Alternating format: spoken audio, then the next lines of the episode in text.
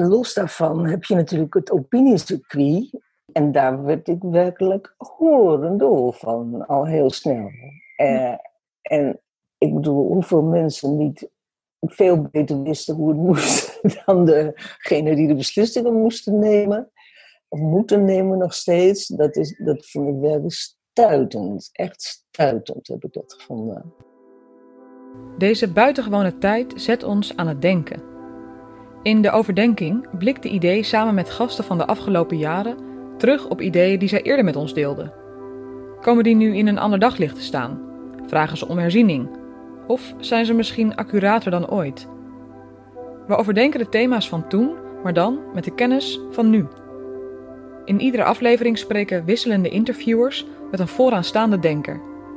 Hier vindt u de trage denker op zijn traagst. Want nu de wereld even niet doordraait, kunnen we daar maar beter goed bij stilstaan. De gast is schrijfster Elma Draaier. Na haar sporen verdiend te hebben als journalist, ontpopte Elma zich vanaf 2005 als columniste. Eerst bij Trouw, daarna bij de Volkskrant.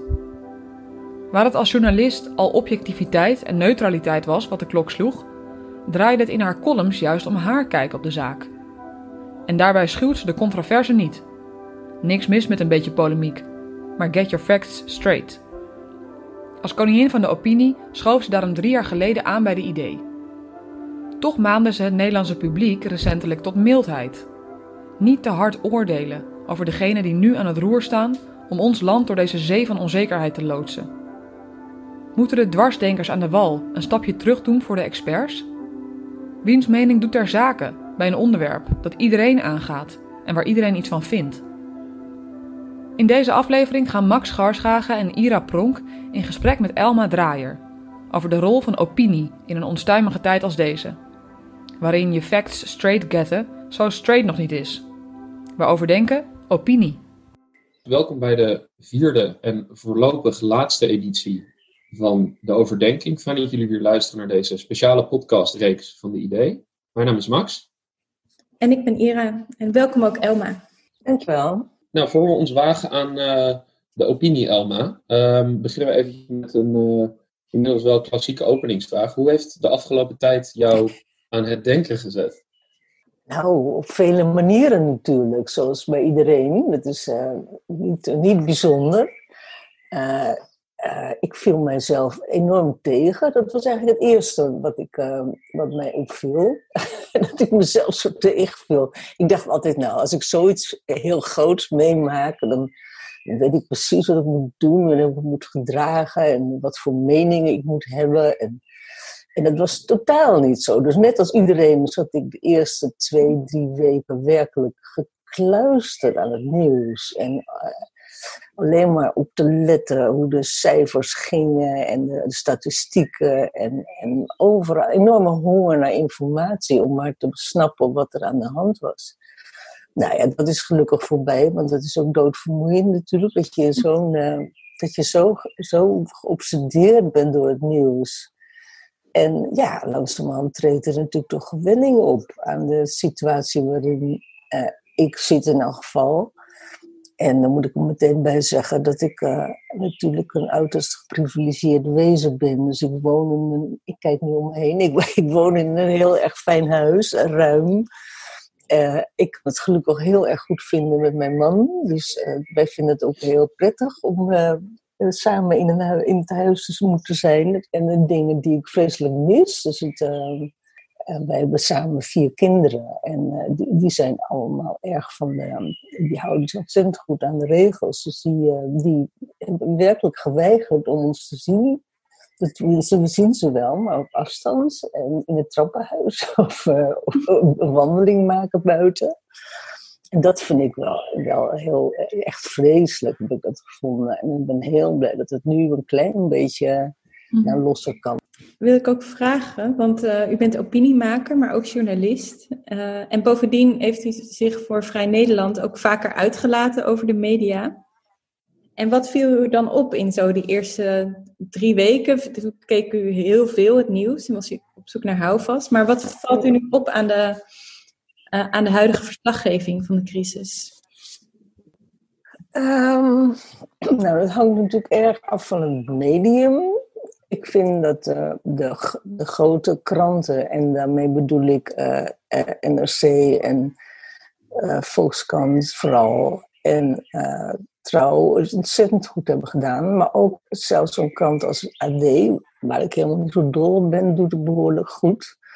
met goed bedoel ik niet hysterisch. Hè? Dus, dus, gewoon verslag doen van wat er aan de hand is. geen paniek zaaien, maar wel de feiten brengen. Dat is toch je, je hele nederige taak als journalist natuurlijk. En ik vind dat die het eigenlijk allemaal, alle drie heel goed doen. Um, ik, ik, werk natuurlijk zelf voor de Volkskrant, dus je, je kunt me onmiddellijk verdenken van gebrek aan objectiviteit. Dat is ook zo, maar ik vind echt dat het goed ja. heeft gedaan. ik vind echt dat ze het geweldig hebben gedaan. En vooral de, de wetenschapsredactie natuurlijk, die, die werkelijk zich over de kop heeft gewerkt om, uh, om, ja, om goed in de gaten te houden. Dus daar ben ik heel tevreden over. Daar, uh, ik heb ook allemaal heel gretig gelezen. En los daarvan heb je natuurlijk het opiniecircuit. En daar werd ik werkelijk horendol van, al heel snel. Uh, en ik bedoel, hoeveel mensen niet veel beter wisten hoe het moest dan degene die de beslissingen moesten nemen. Of moeten nemen nog steeds. Dat, is, dat vond ik werkelijk stuitend. Echt stuitend heb ik dat gevonden. En daar heb ik me ook al heel snel over uitgesproken. Dat je volgens mij al in een column helemaal aan het begin. Uh, dat hè, over de beste stuurlui inderdaad, die, uh, die aan wal staan en precies weten wat er had moeten gebeuren.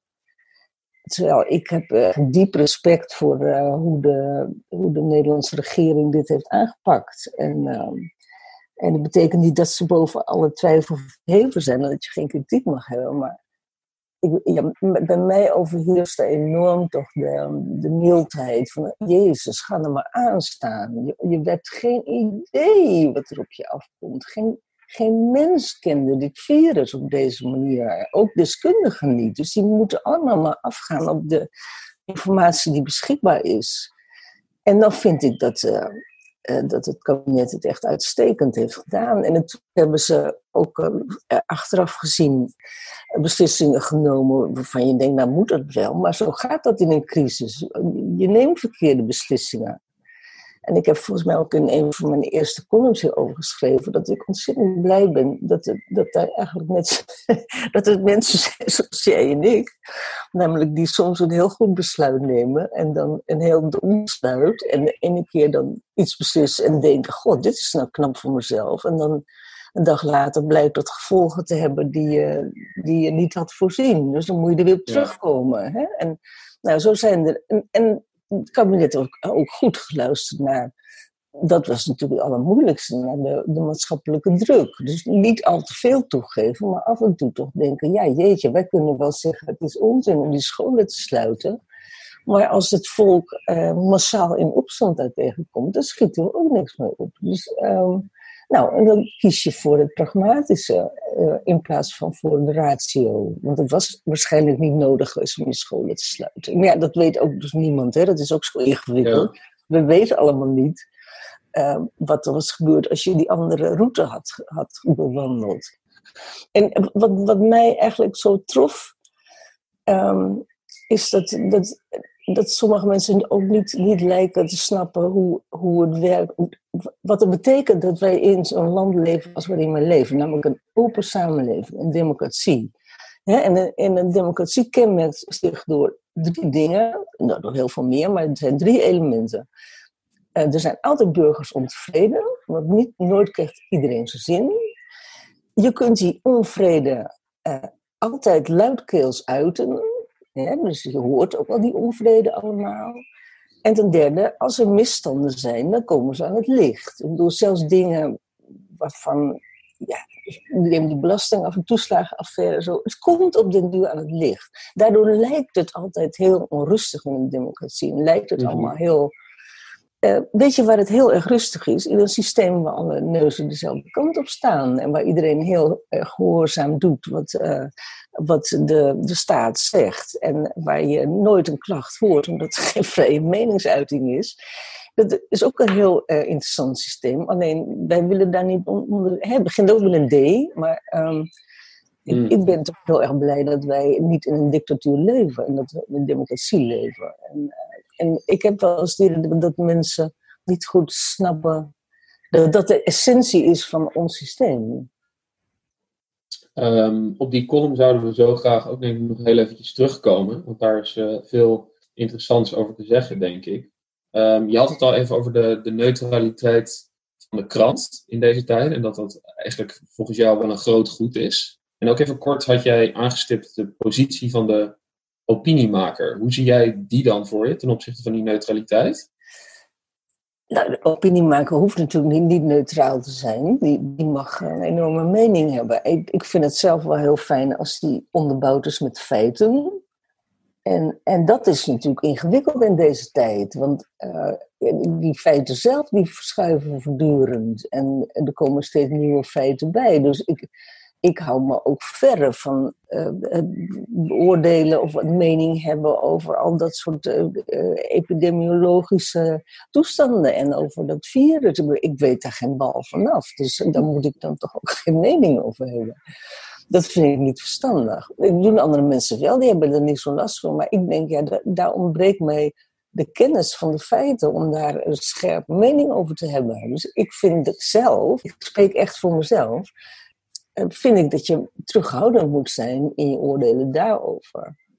Maar ik, ik vind wel dat ik een oordeel mag hebben over waar we het net over hadden. Hè? Dus dat, dat mensen het allemaal zo goed weten hoe het had gemoeten. Nou, dat vind ik nou bij uitstek iets waar ik een oordeel over kan hebben.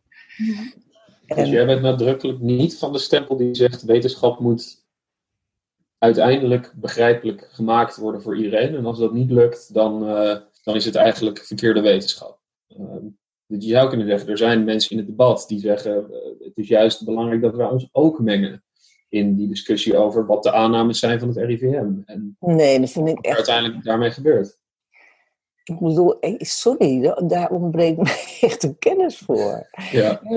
Dat, is, dat zou toch langwekkend zijn als ik, als ik zou zeggen, ja, maar weet je wel, dat, ik, ik begrijp al niks van statistiek. Dus ik, ik houd toch op, dat, dat kan toch helemaal niet. Ik, wat dat betreft, ik vind het wel interessant om al die verschillende stemmen te horen.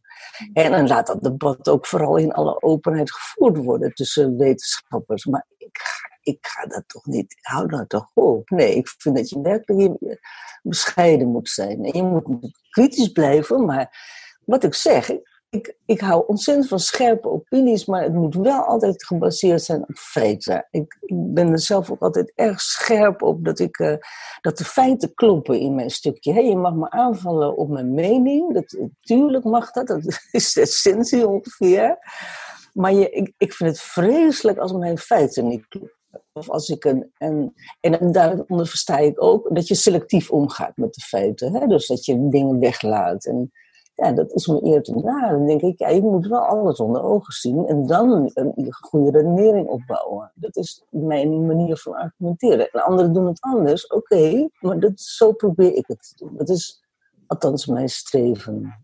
Ja, maar kijk je dan nu, want ik kan of, of als je kijkt naar, de, naar het gesprek van drie jaar geleden bij de idee, daar beschrijf, beschrijf je jezelf als uh, een echte domineesdochter. Iemand die vaak uh, preekt uh, in haar ja. Iemand die met een hele stevige, ja, een stevige mening en een scherpe pen vaak bijdrage probeert te leveren aan het debat. zou je zeggen dat um, je in deze tijd misschien je, je je blik op je rol als opiniemaker ook wat is veranderd? Of dat je daar misschien op een andere manier naar kijkt nu? Nou, in die, die, zin dat de dominee een wat zalvend toontje heeft aangenomen. Namelijk, jongens, uh, doe, eens, uh, doe, eens, doe eens een beetje lief. En, en, en die arme Rutte, die, dit, die nu alle ellende ook nog over zich heen krijgt. En die enorme verantwoordelijkheid die op je schouders rust als, als regering nu, als overheid. Dus ik ben nog steeds een dominee, maar nu is de oproep, eh, nou, nou, dimmen een beetje. En, en uh, laten we nou toch het voordeel van de twijfel geven. En dan kunnen we achteraf allemaal terugkijken en denken, goh, zeg, nou, dat was stom. En dat, nou, maar dan alsjeblieft zonder naar schuldigen te wijzen, maar altijd bedenken, uh, ja, wat, precies wat Rutte zei. We moeten, uh, je, je, vaart in de mist. Je, je hebt 50% kennis van iets dat 100% bezig is. Het is om gek van te worden. Dus ja, um, ik, eh, inderdaad, dat vind ik nou, even een toontje lager. Dat vind ik nu ook mijn taak. Als ik al een taak heb, een taakje, dan is dat mijn taak. Nou, zeg, uh, doe een beetje kalm aan. En blijf ook vooral kritisch, noem maar op, maar doe wel kalm aan. Ja. En betrek je dat ook op je, op, je eigen, op je eigen opinies of meningen? Dus, dus je, bespreekt, je spreekt je bewondering uit voor, voor Rutte, omdat hij uh, ja, ook af en toe moet zeggen: Ik weet het niet. En moet toegeven dat hij op, op zicht vaart en niet de waarheid in pacht heeft. Um, betrek je dat ook op hoe je zelf uh, je meningen formuleert in, in je stukken? Weet ik eigenlijk niet zo goed. Ja, volgens mij wel. Omdat ik, ik, eh, ik, evolueer ook wel een beetje mee. En um, uh, ik, ik, weet het dus ook niet. Dat in, die zin, en daar kom ik volgens mij vrij rond voor uit, dat ik ook niet precies weet wat het is. Wat ik trouwens wel, maar dat heeft niet zoveel met mijn werk te maken, maar hij gaat wel over opinie ook dit is zo'n splijtend onderwerp ook. Hè? Ook in mijn vriendenkring. Um, dus, de, dat, dus de een denkt er zo anders over dan de ander. En de een is, zeg maar, behoort tot de rekkelijken. En, uh, en vindt dus eigenlijk alles onzin. En het is schande dat, u, dat de samenleving op slot is gegaan twee maanden. En uh, de economie gaat eraan. En, en dat is toch allemaal, dus zeg maar de mensen die zeggen het is maar een griepje, hè, om maar zo te zeggen. En, en daar staan tegenover mensen zoals ik, die, die toch denken dat het niet zomaar een griepje is geweest. En dat het vreselijk is dat de economie nu aan het instorten is. Maar dat ik ook niet zo goed had geweten hoe het anders had. Maar dat is een enorm splijtende, uh, het is een splijtende opiniekwestie. En dat vind ik wel heel vervelend hoor. Want nu we ook weer mensen weer wat zien en zo het ligt dat echt heel moeilijk. Weet je, 9-11, weet je wel. Het was ook zo, weet je, toen lagen jullie nog in de wieg, vermoed ik. Maar dat was ook zo'n splijtende uh, kwestie. maar... Uh, Oké. weet je, dat was ook, kwamen toen uit een tijd dat, dat die bijna meningloos was. En etentjes gingen echt nooit over politiek of over, over dat soort zaken. En ineens waren was, was mijn hele vriendenkring gepolitiseerd. En dit is ook zo'n splijtend thema. En dat vind ik wel ontzettend lastig. Dat je, dat je ook bij elkaar gaat aftasten. Zeg, waar sta jij in deze kwestie? En dan uh, dat je denkt, nou, ik heb nu, we zien eindelijk weer. ik heb er geen zin in ruzie. Dus ik heb, ik heb het er maar even niet over. Weet je wel? Dat is echt heel vervelend, vind ik dat. En vind jij dan ook dat er in dit debat misschien onwenselijke meningen zijn? Want even verder gaand op die mildheid, die al aanhaalde en die Ira ook al even aanhaalde. Het is natuurlijk zo dat de publieke opinie nauw verbonden is met de nationale volksgezondheid. En een verkeerde mening, een alternatieve mening, misschien ook wel, luguber gezegd, doden tot gevolg zou kunnen hebben. Um, is het dan zo dat er sommige meningen echt onwenselijk zijn en ook niet de publicatie verdienen? Nou, ik vind verkeerde meningen, dat is een beetje, hoe kan een mening nou verkeerd zijn? Je hebt wel hele domme meningen en, en, en gevaarlijke meningen. Ik bedoel, uh, complotdenkers vind ik bloedlink. Ik, zou als fatsoenlijke kant of als fatsoenlijke talkshow, zou ik geen uh, ruimte bieden aan complotdenkers. Uh, om de omdat ik het gevaarlijke onzin vind. En ja, kennelijk toch veel mensen aan, aan kritisch vermogen ontbreekt om dat op, op waarde te schatten. Dus ik zou dat niet doen. Dat betekent niet dat die meningen verboden moeten worden. Mensen, dat kan ook helemaal niet gelukkig.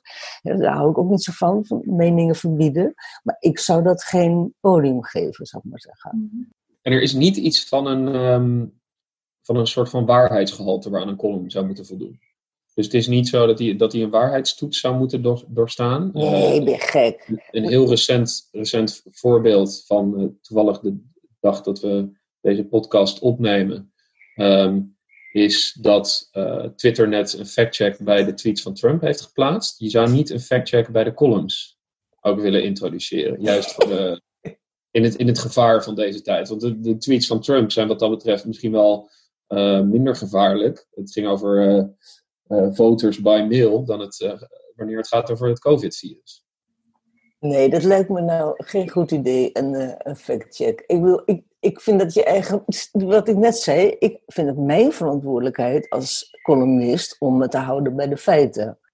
Maar het is gewoon mijn eigen verantwoordelijkheid. Maar om nou anderen de maat te nemen op zo'n manier, dat ik wel heel lastig hoor. Ik bedoel, dat is ook niet volgens mij de bedoeling van het, een open debat.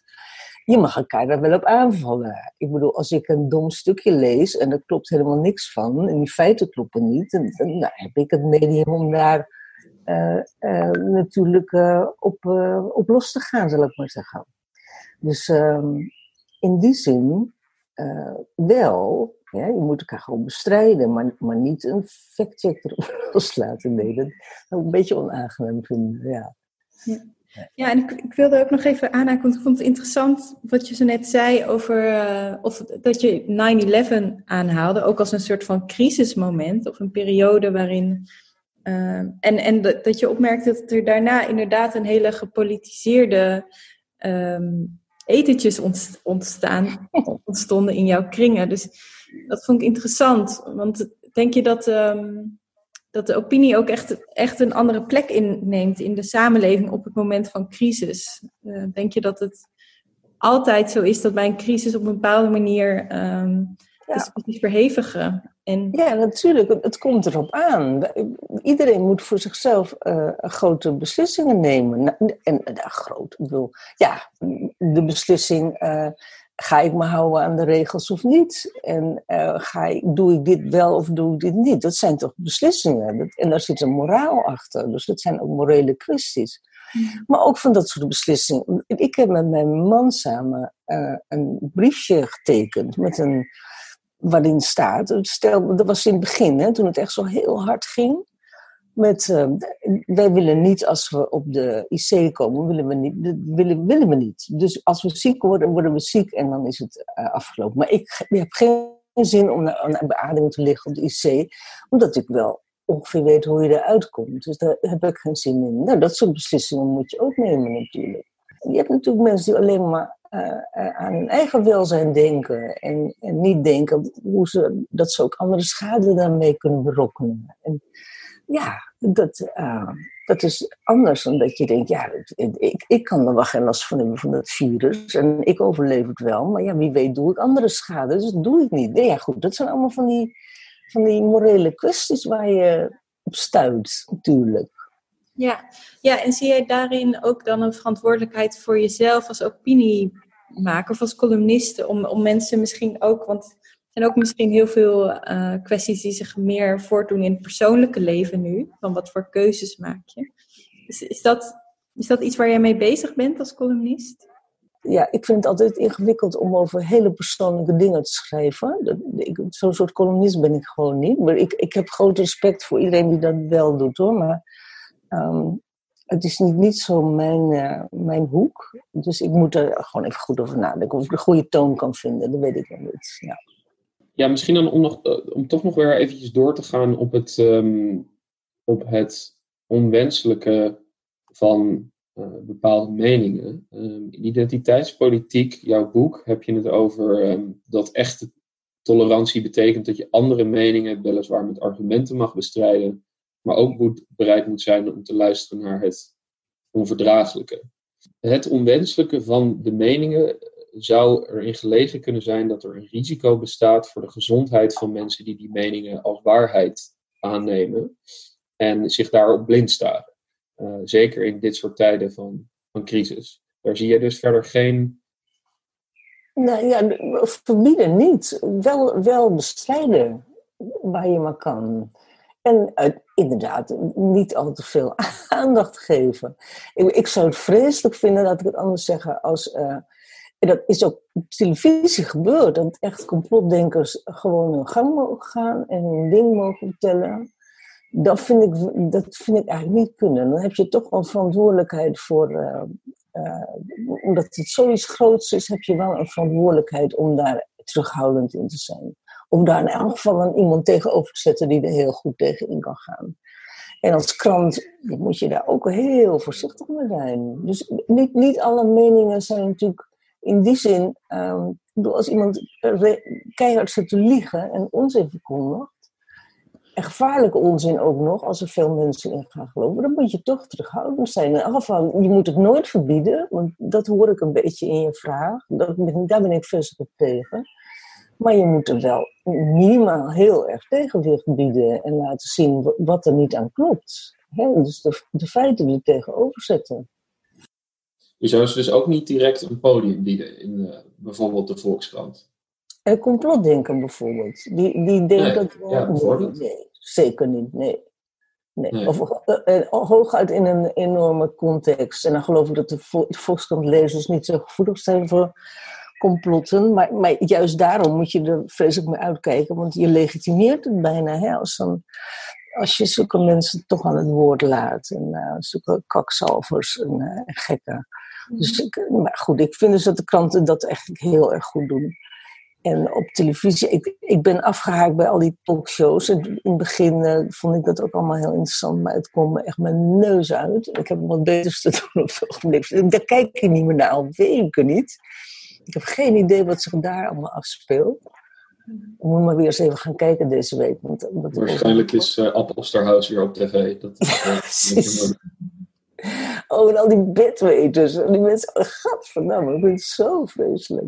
Dus eigenlijk me alleen maar helemaal wild. Maar ik ga deze week even kijken hoor, want ik, uh, dat ik weer een column moet maken en zo. Denk je dat de opinie minder belangrijk is in tijden van crisis? Dus je zegt, na de, als dit allemaal afgelopen is, kunnen we, ons, kunnen we elkaar weer lekker de maat nemen. Maar is het dan ook zo dat, of is, het een, of is de rol misschien veranderd van opinie? Nee, volgens mij reageert elke columnist zoals uh, naar zijn aard, ik maar zeggen. Dus uh, het, was ook trouwens heel erg grappig. Het, was bijna onmogelijk om een, je column niet daarover te schrijven. En het feit dat nu mensen weer over andere dingen gaan schrijven. En dat ik bij mezelf ook denk, nou, nu kan ik wel weer zo'n misschien een ander onderwerpje aanpakken. Dat betekent dat het aan het overgaan is. Hè? Maar toen we er zo over onze oren inzetten. Ik, ben nog wel, ik heb één column geschreven dat was vlak voor de lockdown. En, maar toen had ik al het idee van, nou, dit slaat nergens op, deze column. Want dat was, mijn column komt vrijdag in de krant. En volgens mij dat weekend ging... En het was dus al duidelijk dat er iets groots op til was. En dat ik al zo spijt had van die column. Dat ik dacht, ja jeetje, dat, dat, het is zo achterhaald als het in de krant staat. Want waar ging de column over? Even denken hoor. Um, ik noem corona daar wel in, in de eerste alinea. Ik weet niet precies waar die over ging. Het ging over, nee, het ging, ik weet het wel. Het ging over, uh, over Amazon en over Bolcom en over de, de pakketbezorgers en zo. En toen, toen ik die schreef, toen dacht ik al, oh ja, dat is eigenlijk heel raar. Want er is iets heel groots aan de hand. Want ik schrijf over pakketbezorgers. Nee, die zijn natuurlijk heel belangrijk, maar begrijp je wel? Dus het was bijna onmogelijk om er niet over te schrijven. En omdat iedereen erover schreef, uh, maar dat is gewoon meer dan het probleem van de columnist, dan is het nog niet zo makkelijk om een, je eigen invalshoek te bedenken. Ja, de reden voor, het, voor, dit, voor deze enigszins kritische insteek bij ons was eigenlijk dat wij die mildheid wat lastig vonden rijmen met de waarheidsmakende functie die de mening zou kunnen hebben. Dus we begonnen de talkshow aankondiging destijds in 2017 met eh, John Milton. Die schreef Opinion is Knowledge in the Making. Um, in die talkshow ging het er eigenlijk ook over dat hij zei: Ja, kijk, we hebben misschien zelfs wel wat um, te veel columns inmiddels tegenwoordig. Er zijn te veel meningen. En dat lijkt in die mildheid lijkt dat ook weer een beetje terug te komen. Er zijn te veel meningen, we moeten juist sturen op de feiten. Maar daarmee is het um, waarheids controlerende proces van die mening is, lijkt daarmee een beetje ondermijnd te worden. Ja, maar... twee posities te zijn die lastig met elkaar te rijmen zijn. Ja, maar dat is natuurlijk ook, dat is ook zo. Dat is, dat is, dat is nu eenmaal zo, dat het op het ogenblik lastig is. Ja. En, uh, en, en ik weet niet of columns naar waarheid moeten zoeken. Dat is ook weer helemaal afhankelijk van wat voor soort columnist je bent. Je wil natuurlijk wel uh, niet liegen. En je wil wel een soort inzicht geven in wat er om ons heen gebeurt. En, uh, en hoe, hoe mistiger het is, zoals nu, hoe moeilijker dat ook is. Het is ook niet zo raar, toch? En, uh, en ik vind het niet zo heel raar dat je dan tevens toch enige consideratie hebt met mensen die, die dat allemaal moeten doen. En die dan, ik sta aan de kant, hè. ik kan lekker roepen. En, maar ja, je zal dan maar inderdaad die beslissing moeten nemen. Dat is gewoon ontzettend zwaar. Omdat je weet dat er mensenlevens mee gemoeid zijn. Hè. We hebben het hier niet over een verblijvend uh, dingetje. Het is echt loodzwaar. Tot slot, en dit is de vraag die we, die we aan uh, al onze gasten willen vragen. Uh, in het kader van deze podcast, in het kader van overdenken. wat zou jij aan de luisteraars willen meegeven om over na te denken de aankomende tijd? Mm. Tel je zegeningen. Het klinkt weer als een dominee, hè? dominee. tel je zegeningen. Ja, toch wel. Ik bedoel, we hebben geen is geen honger in dit land, volgens mij. We hebben, mensen hebben een dak boven hun hoofd. Het is wel allemaal afschuwelijk. En ik hou wel mijn hart vast voor, voor de economische crisis die er aankomt. Maar ehm, ik vind toch dat we onze zegeningen moeten proberen te tellen. En, en ook echt kijken naar wat, wat we wel hebben. En en ook hoe we daar dan weer uit kunnen komen. En elkaar ook daar een beetje in steunen. Jezus, ik klink nu echt als een. Nou, dat ik lijkt me... wel aan me zeggen. Post me op. lijkt mij een prachtige afsluiter van, uh, in ieder geval voorlopig, van deze podcastreeks ook. Elma, mogen wij jou eh, hartelijk danken voor jouw bijdrage vandaag. Ja, graag gedaan. Ga je goed de komende tijd. Dank dat jij wou, uh, wou aansluiten hier in ieder geval.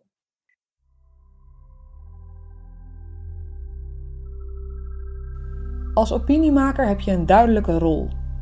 Je zo eerlijk mogelijk uit te spreken, hoe polemisch ook. Maar als in tijden van crisis iedereen overal wat van lijkt te vinden, gesprekken aan de keukentafel polariseren, de politieke besluitvorming voortdurend wordt betwist, komt er ook bij Elma wat bescheidenheid naar boven. Zeker voor alle echte bestuurslui die zich over onmogelijke keuzes en dilemma's moeten buigen, vraagt ze ons: mag het een onsje milder? Voordat we afsluiten, trakteert online tijdschrift en kunstenaarsplatform Hardhoofd ons nog op een literair dessert. U hoort Ali Amgar met Vinden. Je kunt het je nu nauwelijks meer voorstellen, maar er was ooit een tijd waarin opinierende stukken schaars waren. De enige manier om ideeën en perspectieven snel met elkaar uit te wisselen was als zender en ontvanger in dezelfde ruimte zaten, of elkaars telefoonnummer kenden. Er was nog geen anderhalf meter afstandnorm maar de samenleving was wel een stuk verder weg. Had je een mening, dan was het verspreiden daarvan serieus werk.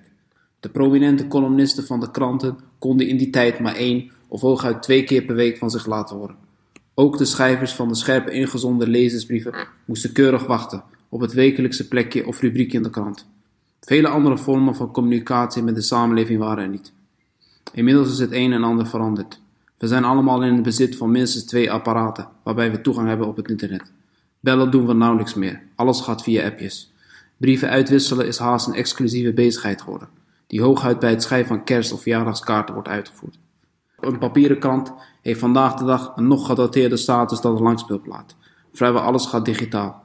Ook het uitwisselen van meningen en gedachten. De traditionele column bestaat nog, maar moet het podium voor opinies nu ook delen met blogs, vlogs, podcasts en twitterdraadjes. Hoewel we dankzij het internet makkelijker dan ooit in contact komen met mensen die een andere mening ophouden, kiezen we er vooral voor om ons te verzamelen met gelijkgestemden op Facebook en WhatsApp groepen.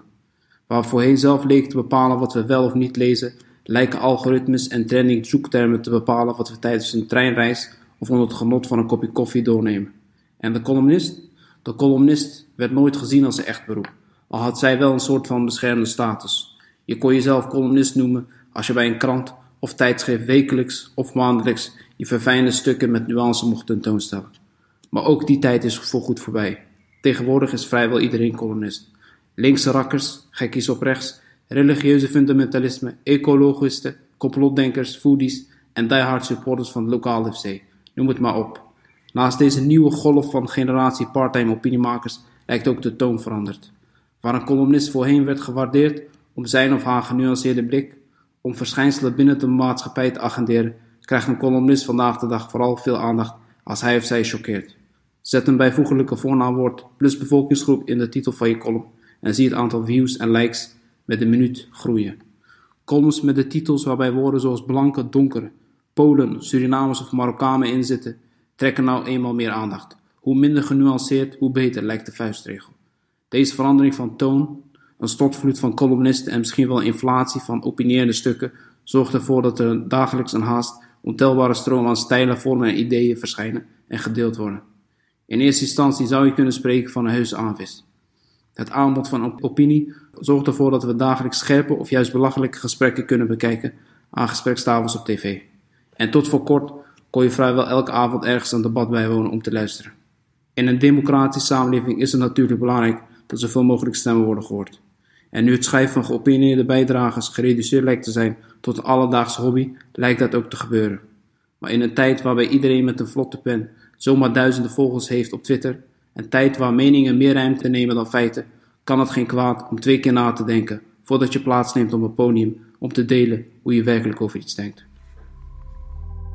Dit was de overdenking van opinie met Elma Draaier. Voorlopig de laatste aflevering in deze reeks. Heb je suggesties voor nieuwe afleveringen of zelf gewoon een knettergoed idee?